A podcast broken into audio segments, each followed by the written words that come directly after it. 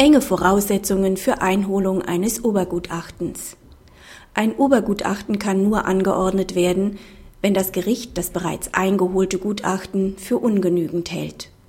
Dies ist der Fall, wenn das Gutachten Widersprüche enthält, von unzutreffenden Tatsachen ausgeht oder ein Obergutachter über weitergehende Erkenntnismöglichkeiten verfügt. Der Kläger wurde als Fußgänger beim Überqueren der Straße außerhalb der Fußgängerfurt und unter Missachtung der rotlicht zeigenden Fußgängerampel vom Beklagten angefahren und dabei schwer verletzt.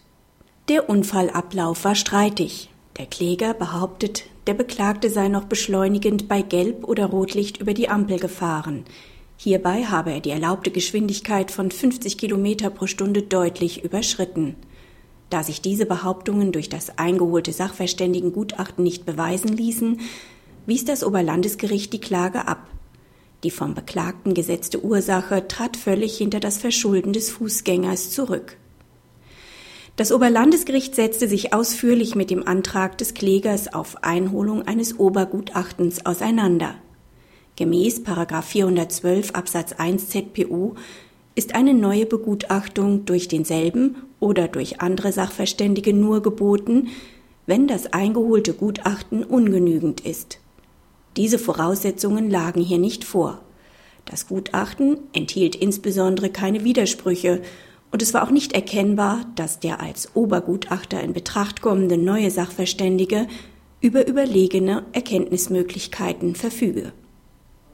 Für die Einholung eines weiteren Gerichtsgutachtens lagen die Voraussetzungen nicht vor.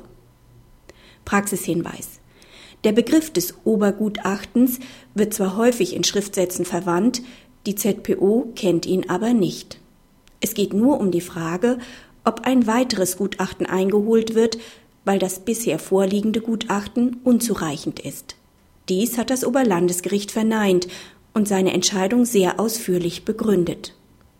Es hat sich insbesondere nicht mit dem nicht selten zu lesenden lapidaren Hinweis, dass das eingeholte Gutachten überzeugend sei und der beauftragte Gutachter dem Gericht aus einer Vielzahl von Verfahren als sachkundig bekannt sei, begnügt.